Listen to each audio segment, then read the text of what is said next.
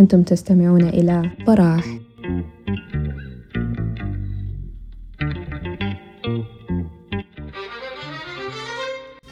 وفي حضرة براح نواصل ما انقطع من حديثنا في الشأن العام فيما يخص التحديات الاستراتيجية التي تواجه السودان حيث سنناقش في هذه الحلقة ملفي الحوكمة والتحول الرقمي.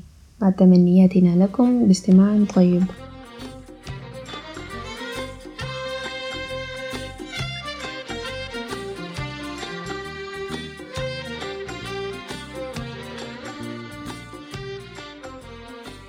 آه حنمشي الملف اللي بعده يا محمد اللي هو الملف بتاع الحوكمة.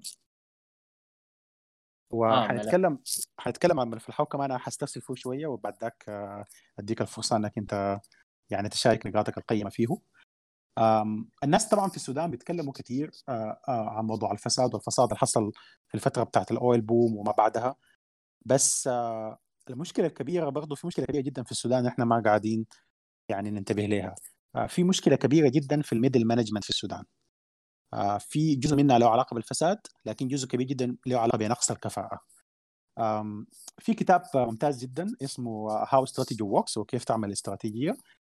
ألفوه الكسندر روبرتس وأندرو ماكلينيان ديل هم consultants يعني كانوا يشتغلوا مع London Business School وشركات وبنوك وحكومات عالمية يعني. ففي الكتاب ده هم بيتكلموا عن المفهوم مهم جدا اسمه strategic drift فال strategic drift طبعا هو بيقول لك إنه الحكومة عموما أنت لما تعمل استراتيجيه حكومه بيكون في مؤشرات كثيره جدا لها علاقة بالبيانات ومؤشرات كثيره جدا لها علاقة بال KPIs اللي أنت المفروض تراجعها عشان تتأكد إنه كل حاجة ماشية في الطريق الصح في كل الجوانب المختلفة اللي لها علاقة بالحكومة. فالحكومة أنت تقدر تشبهها بال oil tanker يعني الناس اللي عندهم آه، شوية آه، إطلاع على المنطقة دي بيعرفوا إنه ال oil tanker ما بيتحرك بسهولة. أنت لما تيجي تلف يمين أو شمال لازم الموضوع ده يحصل قبل بحسابات معينة. بيكون في ضباط executive officers في السفينة نفسها. بيكون بيعرفوا إنه أنت متين المفروض تلف ومتين تقيف ومتين تجي. فالحكومة أنت بتقدر تشبهها بال oil tanker ما ممكن تجي في لحظة تغير كل الاستراتيجية بتاعت الحكومة آه سواء يعني تعمل لها shift يمين أو shift شمال. آه لازم أنت تكون عندك قياسات واضحة لأنه مشكلة ال strategic drift أو الانحراف الاستراتيجي بيحصل في الحكومة تكلفة التغيير بتاعته عالية جدا جدا. دي مشكلتها كبيرة خالص إنه أنت آه، ال strategic drift بيحصل لما يكون عندك تداخلات طبعا هي الاستراتيجيه الاستراتيجية بتاعت البلد هي ما استراتيجية واحدة. هي بتكون كذا استراتيجية شغالين مع بعض بيتداخلوا بيحصل لهم نوع من ال overlapping مع بعض. فأنت لما تيجي تاخذ الحاجة دي وما تبدأ تنتبه لمؤشرات بصورة دقيقة بتمشي يعني من حاجة بيسموها incremental change اللي هو بيكون phase 1 في الاستراتيجية لحاجة ثانية بيسموها flux فلما تصل مرحلة ال flux بتبدأ الاستراتيجية بيحصل لها انحراف شديد جدا جدا ما بتقدر ترجع ثاني يعني انت لما تيجي تطلع على كل القطاعات الانتاجيه في السودان وكل القطاعات الخدمات زي مثلا الكهرباء والموية بتبدأ باستراتيجية انه تقدم خدمة لكل مواطن موية نظيفة صحية كهرباء. الاستراتيجية في النص ما بتكون واضحة أنت كيف تعمل ريوردن للقطاع بحيث إنه هو يأهل نفسه ويتطور ويمشي لقدام. فبتخش مرحلة ال flux وبيحصل ال strategic drift اللي هو بعد ذاك بيكون تغييره صعب جدا جدا. يعني إحنا مثلا بلد في السودان حاليا كهربتنا كلها باعمده في الشارع عشان نغيرها ذاتها دي دي مشكلة كبيرة جدا جدا. الموية التوزيع حقت الموية بتاعتنا والحاجات دي مشكلة ثانية كبيرة جدا جدا. ف فال strategy drift ده دي مشكلة مشكلة كبيرة شديد. لا استراتيجيه الحكومة بتكون من خمسه ل 10 سنين ودول حوالينا زي السعودية بتتكلم عن vision 2030 وحاجات زي دي ودي يعني فتجهيز قيادات الحكومة ال mid career دي دي مشكلة كبيرة جدا جدا. زمان الدور ده كان بيقوم به معهد الإدارة العامة في السودان. آه آه ليه؟ لأنه آه ببساطة شديدة الحكومة آه لازم تكون رشيقة لازم تكون lean. يعني واحدة من مشاكلنا الكبيره شديد في السودان أنه الحكومة هي واحدة من يعني من أكبر المشغلين في السودان. ولما نتكلم عن الحكومة ما بنتكلم عن الموظفين قاعدين في المكاتب بس بنتكلم عن القطاعات الأمنية والقطاعات العسكرية والمتعاقدين في الشركات الشبه حكوميه والموظفين في في البنوك الحكومية والموظفين في الشركات الحكومية والموظفين الدولة بتصرف عليهم الحكومة في الجامعات والمعاهد والمدارس إلى آخره يعني. فالحكومة واحدة من عوامل نجاحها انها هي تكون لين لأنه الحكومة ببساطة it's a regulator and not an operator. فالحكومة دورها إشرافي يعني وما دورها إداري. يعني ما دورها تشغيلي. ليه؟ لأنه الحكومة في العادة آه عندها سقف رواتب معين ما مفتوح زي القطاع الخاص. فقدرة القطاع الخاص على جذب المواهب أعلى بكثير جدا من قدرة الحكومة. فبالتالي يعني المواهب والتكنولوجيا والتطور ما مربوطة بميزانية. أنت لازم تمشي توريها لبرلمان ولا كده فالحاجة دي مفتوحة في القطاع الخاص. فعشان كده مستوى ال R and D بيكون أعلى شديد فيه. يعني كان رونالد ريجن عنده مقولة مضحكة جدا يعني. كان بيقول إنه آه، المواهب يعني لا توجد في الحكومة يعني. فكان بيقول يعني آه، المواهب لو كانت في الحكومة القطاع الخاص ما كان خلى زول فيهم شغال في الحكومة. لكن ما دام إنه القطاع الخاص ما قاعد يجي يعين ناس من الحكومة فمعناه الحكومة أصلا عايشة في الضياع يعني. فعشان كده أنت لما تمشي تنقد دور الحكومة آه، من من القطاع أنه هي تبقى يعني ريتر تبقى regulator آه طبعا تعليق محمد على ريجن أنا طبعا ريجن يعني I'm not pro ريجن لكن بتعجب بيعجبني يعني مقولاته الشديد صراحة يعني مرات. ف المشكلة أنه أنت المشروع بتعمله كيف؟ يعني هل أنت مثلا حاليا لو جيت تعمل مشروع ضخم جدا بتاع طاقة renewable energy أو طاقة رياح ولا كده في السودان هل نحن عندنا المواهب الموجودة حاليا في الحكومة؟ ولا محتاجين نمشي نبنيها في الحكومة؟ ولا التوسع أصلا في حجم الحكومة؟ الموضوع ده حيعمل مشكلة. محتاجين يكون في نقاش في النقطه دي مهم شديد يعني. آه النقطة الثانية أنه الحكومة لازم يكون عندها قدرة أنها ترفد نفسها بالمواهب بطريقة متجددة. فالحاجة دي بتحصل كيف؟ الحاجة دي آه، زمان زي ما قلنا كان بيقوم بها معهد الإدارة العامة في السودان والدولة حوالينا كلها حاليا عندها نوع من المنصات اللي بتضمن أنه أنت ترفد الحكومة بالمواهب المستقبلية اللي بتحتاج لها عشان ال cycle حقت الحكومة ما تقف. يعني مثلا في جنوب أفريقيا آه، في حاجة اسمها school of government اللي هي دي طوالي حاجة يعني national school of government دي حاجة حتى بتدرس الناس في جنوب أفريقيا في الدول الحادة حوالين جنوب أفريقيا. اللي هي دي وظيفتها انها هي تجذب المواهب حقت الحكومة في نفس الوقت تربطهم بالخطة الخمسية والعشرية وتديهم access للتصميم بتاع سياسة البلد نفسها. في نموذج ممتاز جدا جميل جدا بتعمل آه، الامارات اسمه آه، برنامج قيادات الإمارات يعني. أو the UAE government leadership program أو الجي ال بي الجي ال بي وظيفته أنه الحكومة بتبدأ تلاحظ آه، للمواهب في الصف الثاني في المؤسسات الحكومية. بعدين بياخذوهم كلهم مع بعض بيعملوا لهم برامج مصممة عن طريق مدارس اداره أعمال مشهورة و very well prominent في العالم زي هارفارد كينيدي school وانسياد وباقي المؤسسات دي. وبيجوا بيخشون في دورات طويلة جدا وظيفتها أنه الحكومة بتبدأ آه، توريهم الخطة الاستراتيجية بتاعت الحكومة في 10 20 30 سنة عشان كل زول في مكان معين يكون عارف إنه هو دوره في الأخير التكاملية دي بتحصل كيف. آه، واحدة من المشاكل دي اللي هي ال integration بتاعت البيانات.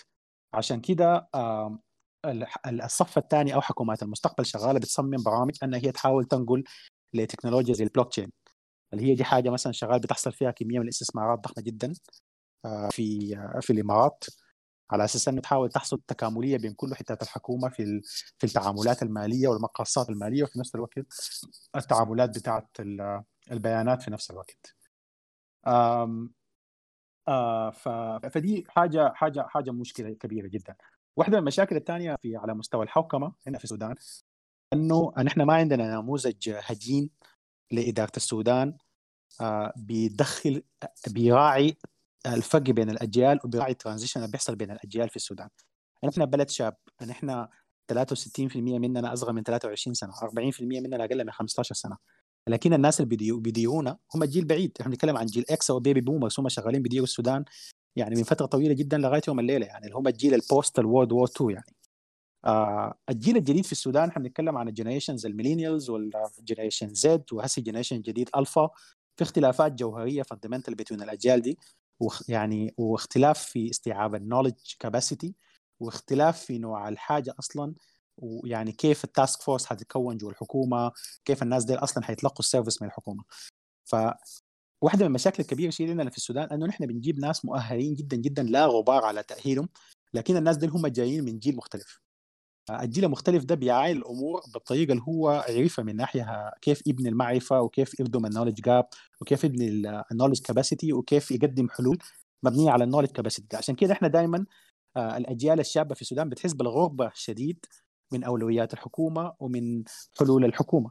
يعني مثلا آه، الجائحة بتاعت كوفيد مثلا وضحت لنا إنه أهم شيء مهم في ال multimedia هي ال content أهم شديد من الشكل. يعني إحنا شفنا برامج ضخمة جدا يعني برامج حوارية مشهورة وبرامج يعني مشهورة جدا في العالم وبرامج يعني في التلفزيون وكده.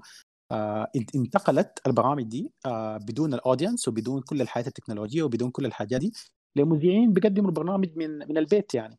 literally آه من ال living room ومعهم اطفالهم وعندنا آه يعني YouTubers ما عندهم مؤهلات كبيرة لكن في نفس الوقت عندهم ملايين ال followers يعني. فده بيوريك أنه ال content هو مهم جدا. لكن أنت مثلا لما تجي تاخذ نموذج مثلا لتحديث زي تلفزيون السودان بتيجي مثلا تركز في تحديث تلفزيون السودان على الاستديوهات. اللي هي دي حاجة ما بقت fundamental شديد للجيل الجديد اللي هو بقدر ال content نفسه. أنت عندك تلفزيون ليوم الليلة أنا ما بقدر احضر live مثلا.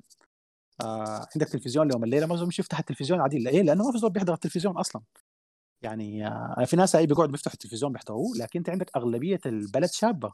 يعني قاعدين on their mobile phones يعني all the time فالحلول هي ماشية في سكة انها هي حلول آه بتتمظهر آه حوالين أفكار منطقية آه عندها سند علمي وسند تقني لكن جاية من نولج كاباسيتي من جيل مختلف.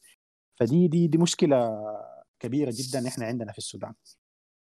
واحدة ثانية من المشاكل الكبيره بتاعت الحوكمة. يعني مثلا عندنا المشكلة بتاعت ريادة الأعمال. كان آه يعني المقال اللي كان كلمت عنه قبل كده بتاع مارتن فيرشتين اللي هو بيتكلم إنه ليه الولايات المتحدة دائما حتفضل متصدرة. آه أشار لنقاط كثيرة شديد يعني شيقة جدا في المقال ده. يتكلم مثلا عن ثقافة العمل الخاص في الولايات المتحدة. إنه ثقافة العمل الخاص في ولايات الاعمال it's culture في ال United States. الحاجة دي بتجي من نظام التعليم نفسه في الولايات المتحدة. بتجي من الشكل بتاع ال R and D أو ال research and development أو مراكز الأبحاث في الجامعات وربطها. بالثقافة أصلا بتاعت العمل الحر وبتاعت رياده الأعمال. بنتكلم مثلا عن السيليكون فالي اللي إحنا بنشوفه بشكل الحالي في الولايات المتحدة. السيليكون فالي ده بدأ من داخل جامعة ستانفورد.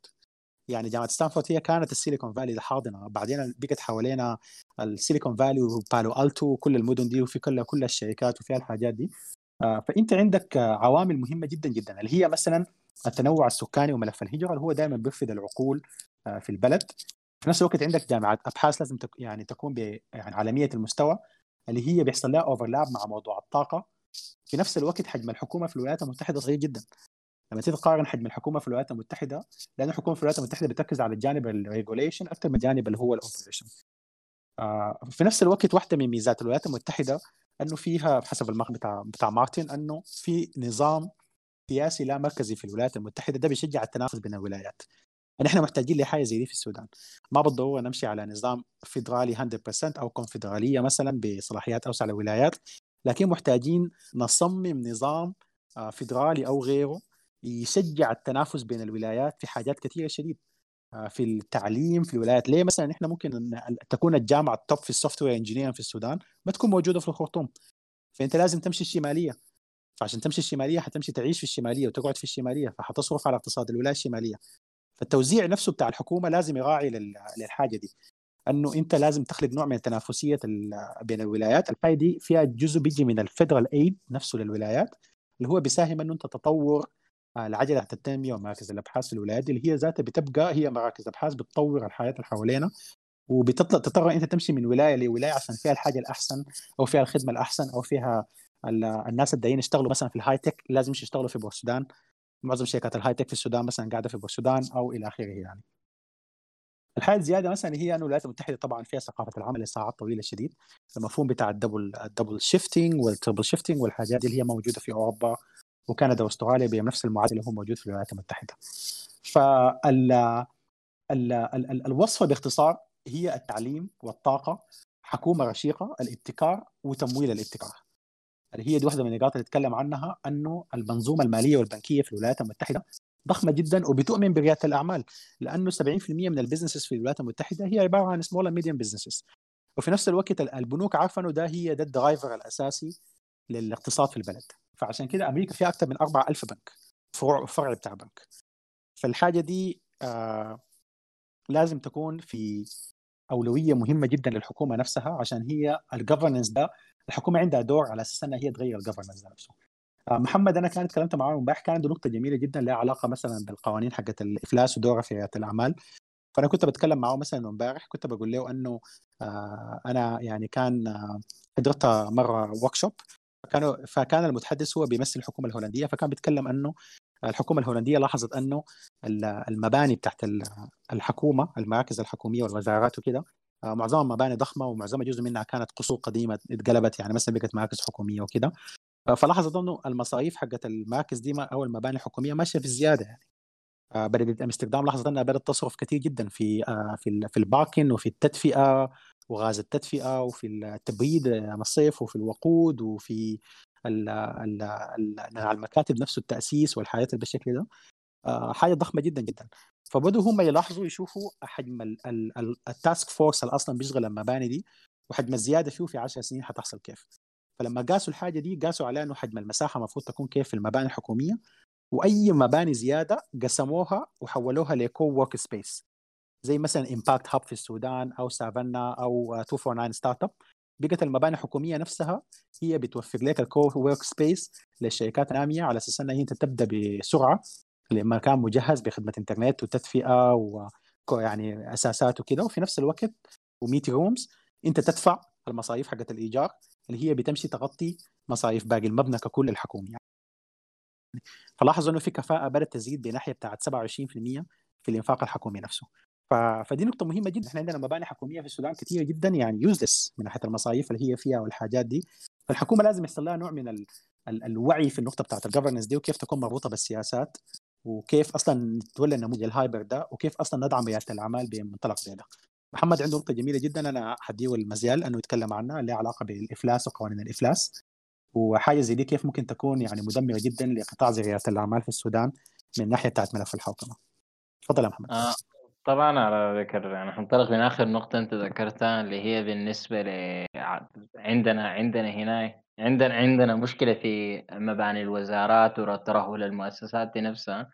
فكان دي anecdote يعني حكي إنه أحد أحد يعني ال project managers من دولة يعني قريبة مننا هنا كان مع أحد يعني المسؤولين الصينيين كان زار وزارة النفط في السودان. فكان قاعد مع الوزير بتاع النفط سألوه قال لي اسمع الصيني ده يعني.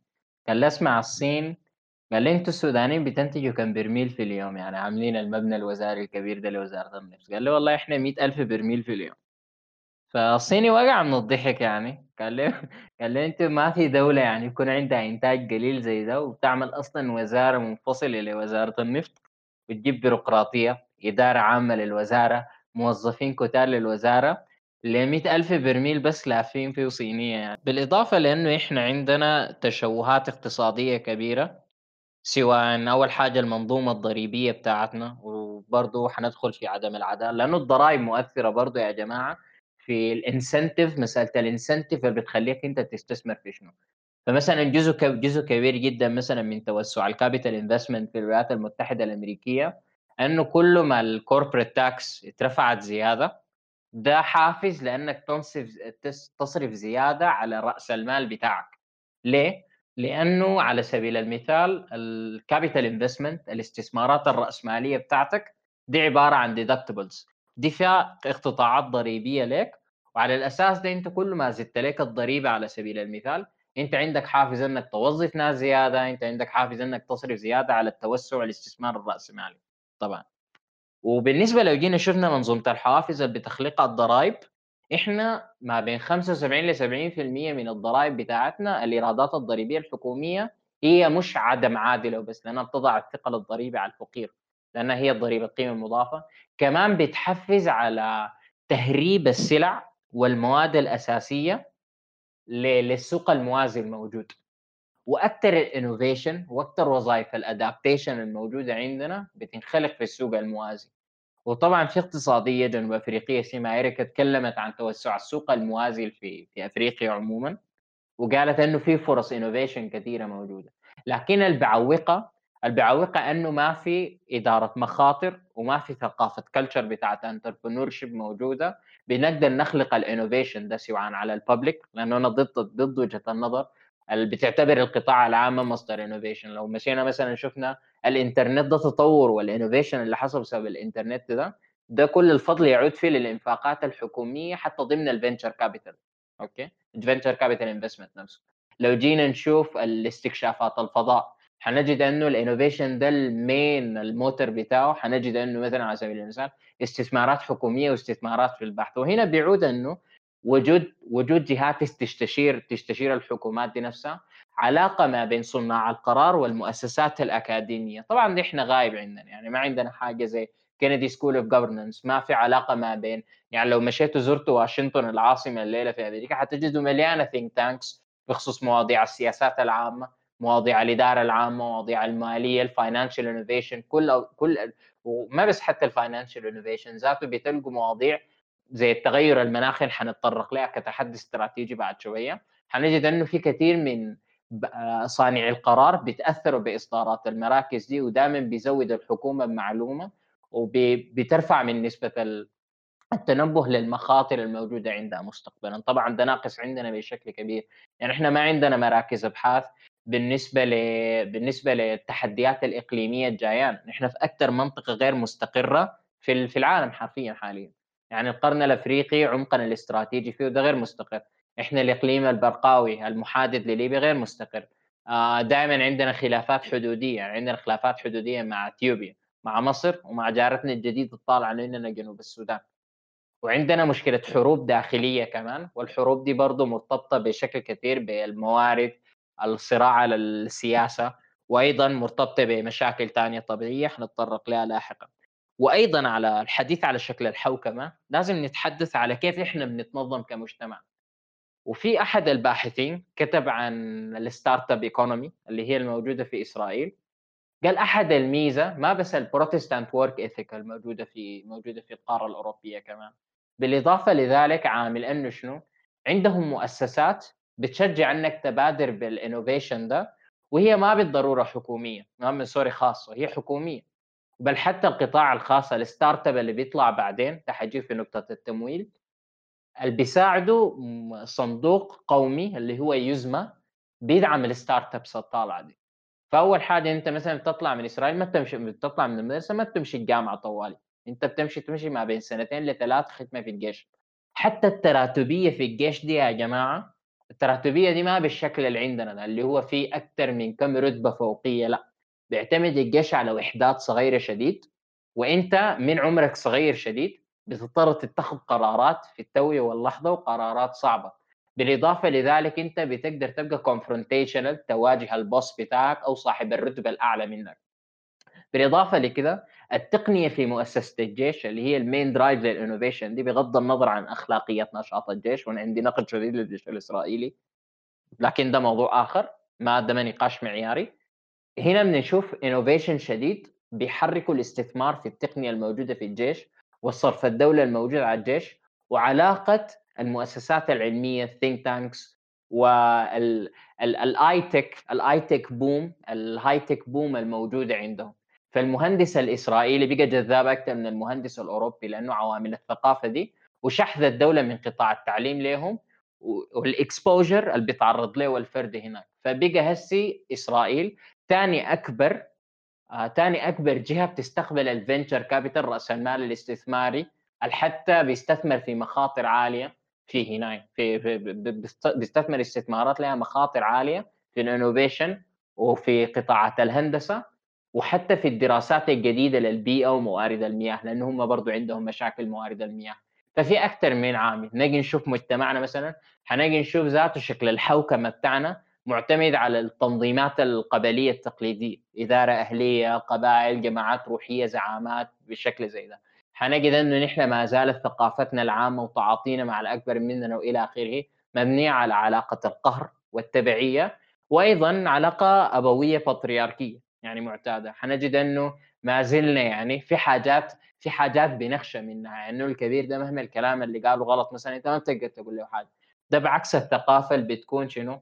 بتكون main driver لل innovation فنحن ما بس على مستوى الحوكمة وعلى مستوى التعليم إلى آخره أيضا محتاجين أشكال تنظيم اجتماعي شكل مؤسسات سياسية.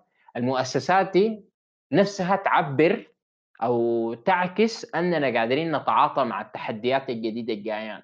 لأنه مثلا الإدارة الأهلية ما حتقدر تحل محل ضعف الدولة دي. ده محل مستدام بالنسبة لنا. الجماعة الإثنية اللي بنتقوقع حولها ما بتساعدنا في شيء ده مستقبلا. يعني بغض النظر عن أنه الكلام حول المؤسسات والحوكمة وإدارة البيروقراطية مهم لازم برضه نتكلم عن أنه كيف في السودان المجتمع اللي عندنا ده قاعد يتنظم وشنو القوالب التمثيلية اللي بيتمثل فيها شنو الجماعات اللي بتدعي أنها بتمثل مصالح الناس. هل هي جماعات بالضرورة تابعة للدولة الحديثة؟ لا. هل هي جماعات ضد منطق الدولة؟ نعم إلى حد ما أو تشوه فيه. وإلى الإضافة لكذا أنها جماعة نفسها طريقة تعاطيها مع المشاكل بالضرورة ما بيستجيب للتحديات اللي أنت جاياك وده شفناه. يعني مثلا لو ادينا آه، لو لو أخذنا مثال القبيلة والجماعة الروحية الدينية الطائفة حنجد إنه الغني والفقير قاعدين جنب بعض. والغني والفقير ده بيعتبر الغني ده الجماعة الروحية بتاعته ما في زول زي الزول ده. علما إنه مصالحهم ما زي بعض. ده الثقل الضريبي عليه أكثر ده بدافع عن مصالح زعيم الطائفة والعشيرة عشان يلقى خلينا نقول فتات العيش بتاعه وده بعزز طبعا من الطبيعة الأبوية البطريركية يعني إنه ده بحدد أنت تمشي وين مستقبلك شنو وأنت قاعد وين يعني. فيا جماعة فيا جماعة هنا لازم نفكر في تنظيمنا كمجتمع. ليه العصبية دي سيئة؟ فالتشوهات دي حتى بتأثر على ممارساتنا اليومية. بندخل هنا لمجال كمان أنه يا جماعة نحن دائما عادة لما يجي رجل أعمال بيقول أنا مستعد أديكم التمويل أو بتجي مصادر تمويل وبكون في مشاريع عندنا لو ما قدرت تستوفي الديون بتاعتك بيكون مكانك السجن. في دولة زي إسرائيل مثلا أو زي الولايات المتحدة الشيء ده ما قاعد يحصل. أنت في قوانين bankruptcy بتسهل عليك أنك مستقبلا تجد طرق أنك تمول فيها الأعمال الريادية ال innovative دي. يعني لو مسكنا يا جماعة من سنة 1996 لحد 2006 في كان أكثر من مليون حالة إفلاس أعلن عنها في الولايات المتحدة الأمريكية. okay؟ وال hypothesis ده وفقا لنيال فيرجسون عنده كتاب ممتاز جدا اسمه صعود المال قال أنه المفلس اليوم دي الفرضية اللي عند الدولة المفلس اليوم قد يكون غني الغد. أوكي؟ والفكرة أنه فكرة أنه البنك نفسه القطاعات المصرفية نفسها بتعمل بتصور أنه من الطبيعي جدا اللي بيقترضوا منا واللي عاوزين يستثمروا بغض النظر عن المخاطر والفوائد اللي بيداخلوها لازم عدد معتبر منهم يفلس. والبنوك نفسها متأقلمة للتعامل مع حالات الإفلاس الطبيعية دي. وطبعا نحن هناك أنت الدولة حتصادر منك أصول أو البنك حيصادر منك أصول okay؟ لكن في حالتنا إحنا في دولنا اللي حوالينا دي ما بس السودان بس الدول العربية انت تمشي السجن لو فلست أو ما قدرت تسدد ديونك وطبعا اللي بيمشي اللي بيمشي السجن لأنه ما قادر يسدد ديونه ده يا جماعة آه، ده ده حيرج ده حيسدد عليك كيف يعني؟ هو في السجن. ده واحدة من المناطق. فايضا لازم نفكر في القطاع ده. يعني الدولة الوحيدة اللي في منطقتنا مثلا اللي هي إسرائيل اللي عندها قوانين bankruptcy كويسة جدا. فالنظر للمؤسسات وترهلها ضروري زي ما ذكر ووضح لكن أنا شايف كمان لازم نشوف ال entrepreneurship دي culture ما مجرد خلينا نقول ما مجرد خلينا نقول مؤسسات وشكلها وطبيعة الإنفاق فيها. وبس دي النقطة يعني. جميل يا محمد. برضو في حاجة أنا أضيفها لكلامك مثلا دولة زي الولايات المتحدة يا جماعة عندها ستة ستة chapters للإفلاس. يعني لما الشركة أو الفرد يقول لك أنا أفلست في أمريكا ما معناها بالإفلاس بنفس المفهوم اللي إحنا عندنا في القانون مثلا هنا يعني.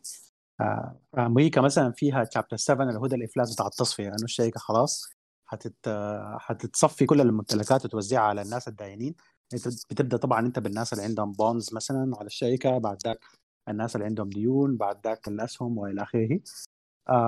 عندك في chapter 9 مثلا في أمريكا يعني. اللي هو ده يعني بي بي بيدي space مثلا لل municipalities مثلا في الولايات المتحدة انها هي تاخذ خطة تتعامل بها مع الناس ال provider مثلا الخدمات اللي هي ما قادره تدفع لهم مثلا زي المدن في أمريكا وكده يعني. في في chapter للإفلاس للمحليات آه، في الولايات المتحدة يعني. آه، في chapter 11 مثلا اللي هو ده الشركة بتحاول تعمل آه، إعادة بتاع التنظيم ثاني للخدمات التجارية يعني. وبعد ذاك تقرر مثلا حتواصل فيها ولا حتجيف ولا كده. ف وفي في نموذج ثاني مثلا chapter 12 ده للناس ال individuals اللي عندهم مثلا الخدمات بوفروها زي المزارعين أو الصيادين أو الناس اللي عندهم الخدمات زي دي.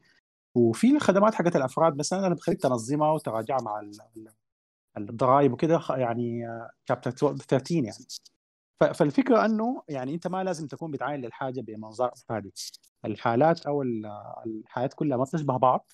وانت لازم تبدأ تراعي كل sector وكل قطاع الفائده بتمشي معاه لما تيجي تعاين قطاع زي ال entrepreneurship وتعامله بنفس الطريقة اللي بتعامل بها مصنع ولا تعامل بها آه، مزرعة ولا كده النتيجة حتكون إنه هي القطاع حينهار وأنت حتخسر job creator يعني kind of sector لأنك أنت بتحاول تعاين للموضوع لسه بنظره يعني احاديه يعني.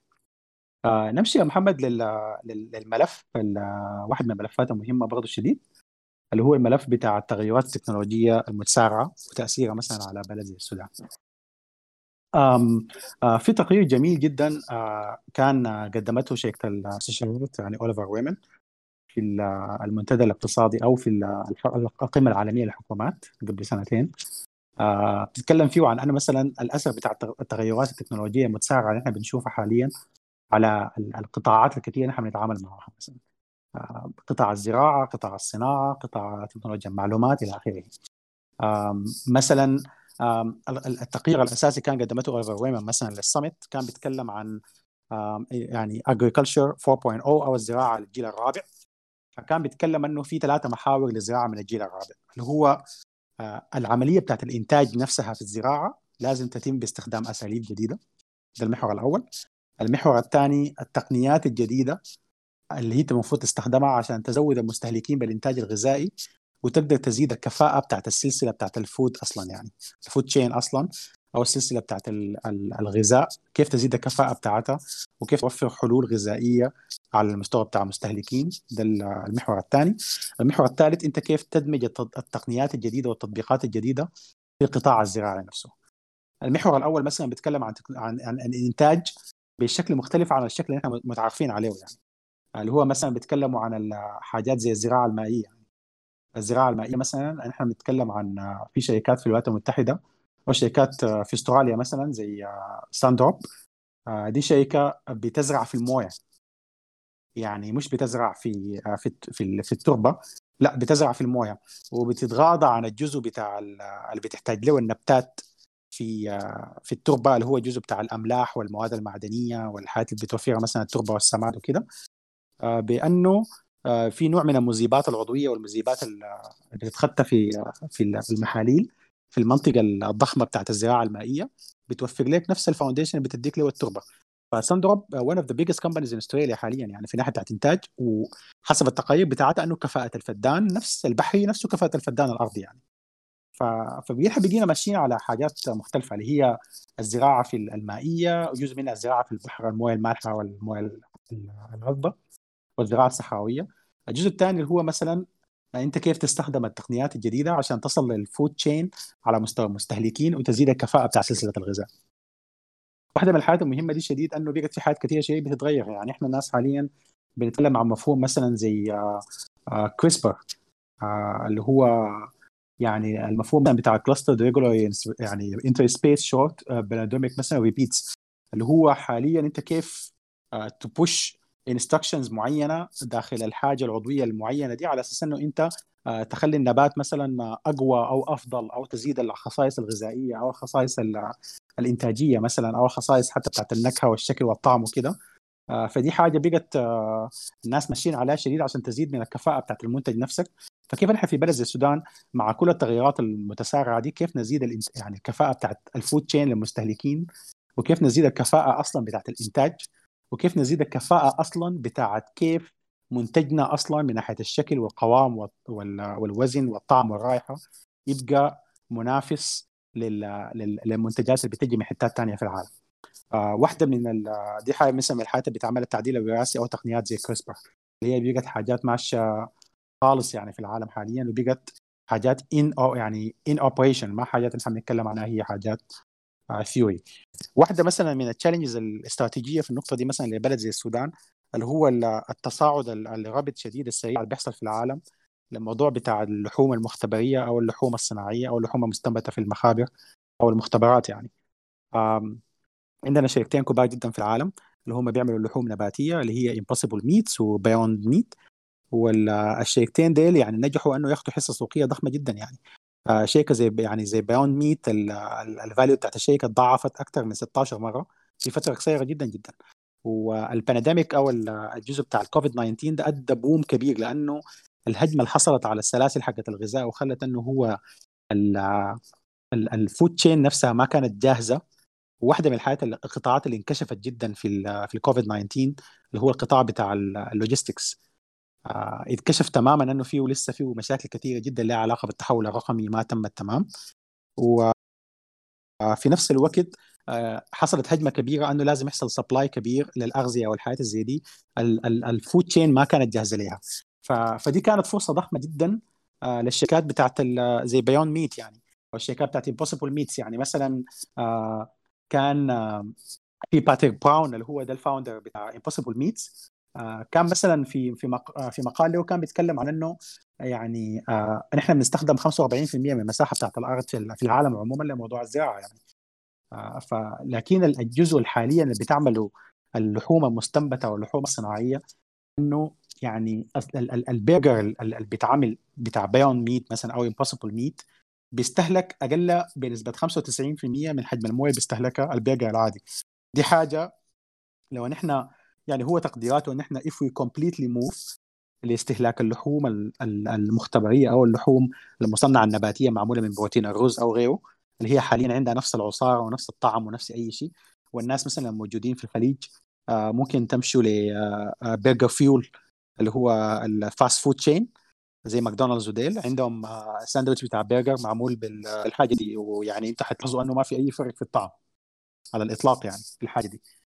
آه فأنت بتتكلم عن إنه أنت إذا مشيت للموضوع ده حت التغييرات اللي بتعملها أنت على على الصعيد بتاع الاحتباس الحراري يعني بتقلل من الغازات حقت الدفيئة بنسبة 87% فالعالم بقى مهتم جدا بالموضوع ده لأنه ده ماشي حتى in line مع الاولويات بتاعت الأمم المتحدة مثلا مخطوطة والاولويات بتاعت الاحتباس الحراري وبروتوكولات زي بروتوكول كيوتو والحاجات بالشكل ده.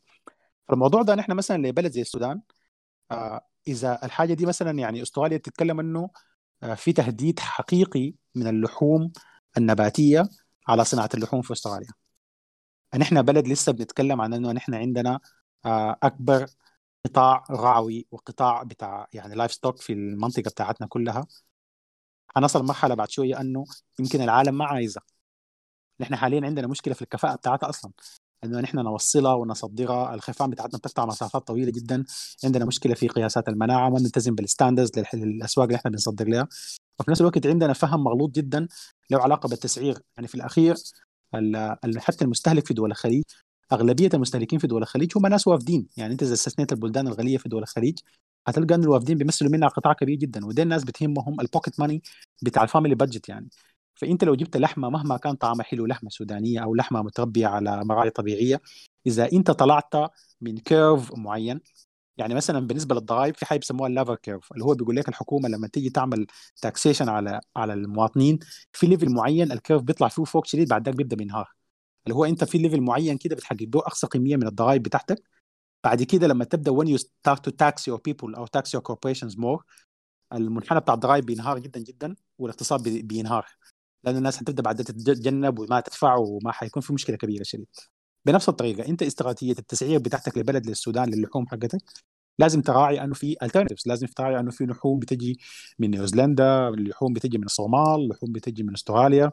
فأنت استراتيجية أنه اللحمة السودانية طعمه حتتباع whatsoever الموضوع ده ابدا ما حقيقي وحتحول المنتج بتاعك لحاجة أشبه بالثقافة بتاعت ال organic food الموجودة حاليا في العالم حاليا. أنت حاجة ممكن تجربها مرة مرتين لكن عشان تعيش عليها for long time مشكلة حقيقية. إذا أنت عايز تعيش حياة مبنية على ال organic food وفي نفس الوقت مثلا عايز حتى تعمل حاجة زي ال keto diet مثلا الناس اللي بيعملوه حتكتشفوا إنه مكلف.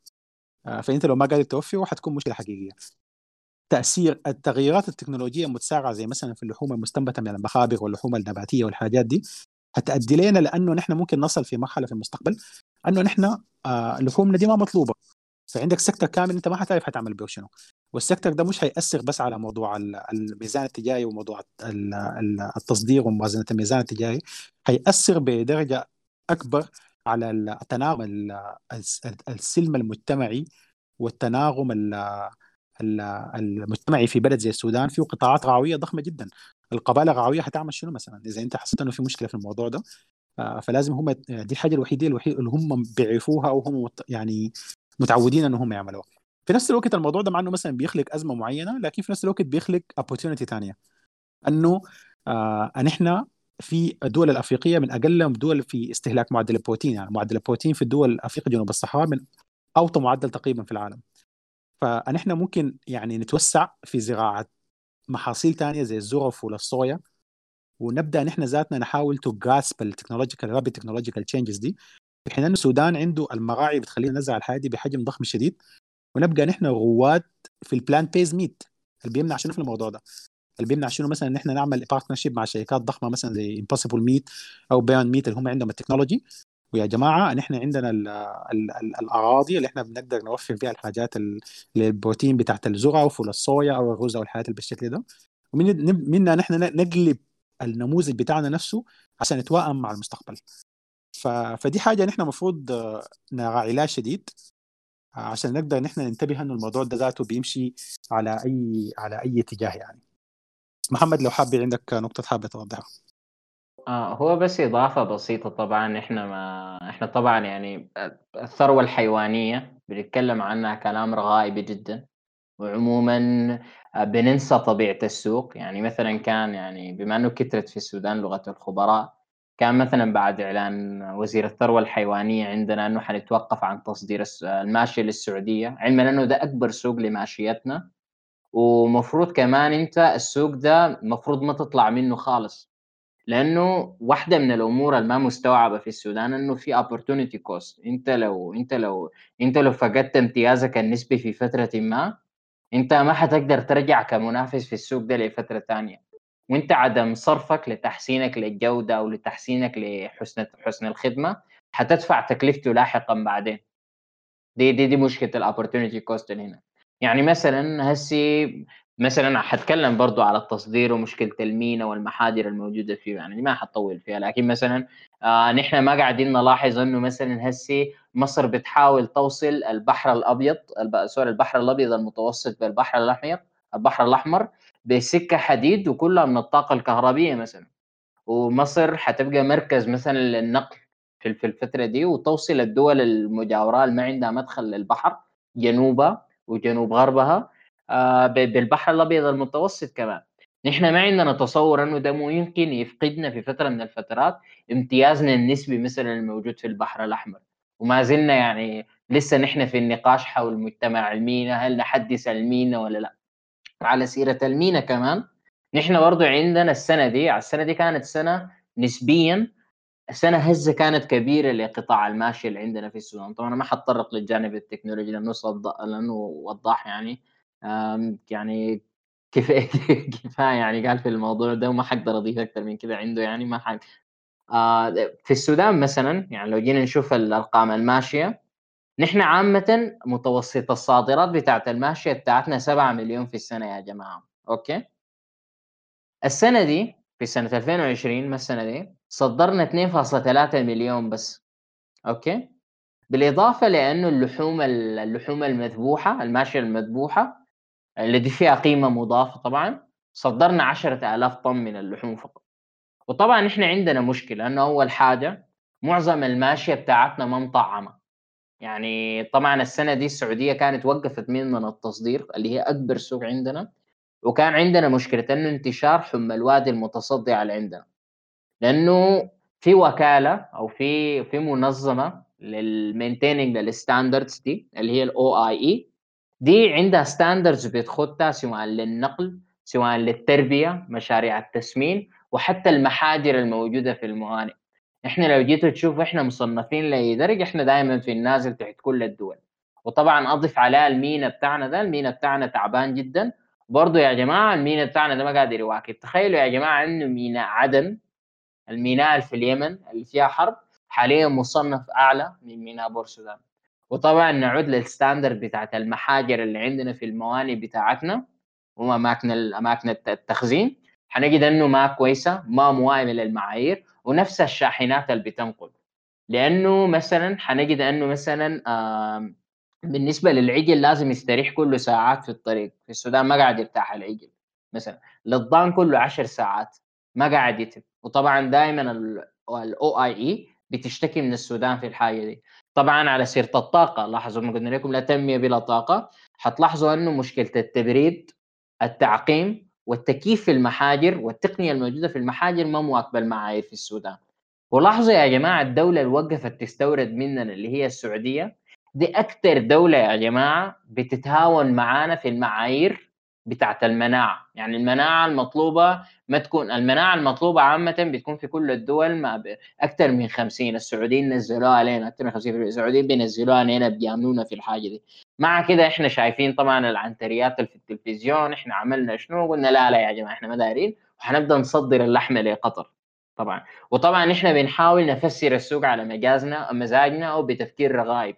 نقول والله إحنا حنصدر للناس ديل لحوم جاهزة. علما إنه الطلب مثلا في السعودية على الحي نفس الشيء الطلب في قطر على الحي أكثر من كده فنحن لازم نراعي متطلبات السوق ولازم نراعي السوق ده. we might نحن ممكن يتم استبعادنا من السوق يحصل لنا expulsion من السوق أو ممكن يكون عندنا امتياز نخسره. لأنه هسه ما في أي امتياز نسبي لصادرات اللحوم السودانية. وبرضه كان عندنا فرصة إنه يكون عندنا امتياز في تصدير البرسيم لدول الخليج. تخيل أنه يا جماعة بالنسبة لدول الخليج تستورد برسيم من دولة زي إسبانيا أرخص بمراحل يعني مجازا بس بسنين ضوئية أرخص من أنها تستورد من السودان. ودول زي أستراليا نحن مثلا الخروف بنبيعه بأكثر من ضعف سعر الخروف الأسترالي. علما أنه عانوا يا جماعة فرق المسافة وعين الخروف ده بيجي من وين يا جماعة؟ okay؟ نفس الشيء الصومال والصومال كمان حيكون عندها امتياز الفترة الجاية في الماشية. بعد ما بنوا المواني والمحاجر الجديدة بتاعتهم وده طبعا حيأثر على تنافسية صادراتهم. نقاشنا في السودان خارج خارج الإطار الاستراتيجي. نحن بالنسبة لنا بنفكر في الثروة بتاعت الماشيه دي كعبء. المينا بتاعنا ده عبء. كده إحنا. فهل في رؤية في الموضوع ده؟ هل بنقدر نفكر تفكير استراتيجي؟ وهل التحدي اللي اتكلم عنه هسي وضاح ده؟ إحنا قادرين نتعامل معه؟ ده سؤال متروك لكم يعني ومتروك لوضاح هسي شكرا يا محمد. طبعا يعني أنا بشوف الكومنتات والناس يعني ماخذ الموضوع من ناحية negative شديد لكن يا جماعة يعني الحاجة دي يعني أنا بشوفها إيجابية جدا and it's extremely positive. يعني إذا أنت أصلا ما حتقدر تاخذ أي خطوة strategic في أي شيء إذا ما عرفت أنت واقف وين والمشكلة هي شنو. فزي ما كانوا بيقولوا لنا زمان يعني أنه معرفة السؤال يعني نصف الإجابة. فمعرفة التحديات اللي أنت واقف فيها ومكانك فيها وين ومصادر البيانات بتاعتك وكيف تعمل لها نوع من التكاملية وكيف تاخذها لحتة استراتيجية دي كل الإجابة. ف... ف... ف... فعشان كده إحنا حبينا نتكلم عن الموضوع ده على أساس إنه يعني زي ما قال محمد ونقطه مهمة جدا نطلع بالنقاش برا النقاش السياسي الضحل يعني دي مشكلة حقيقية في الحكومات السودانية من الاستقلال. بتهتم بالنقاش الحزبي والنقاش السياسي عشان كده ما في تنمية مستدامه قاعدة تحصل في السودان. ما في أي استراتيجية في أي شيء في السودان بتاخذ باعتبار الحاجات اللي بتمشي على اللونج تيرم حتى من ناحية سياسية أو من ناحية عسكرية أو من ناحية يعني فيها علاقة بالتحول الرقمي وأي حاجة فيه.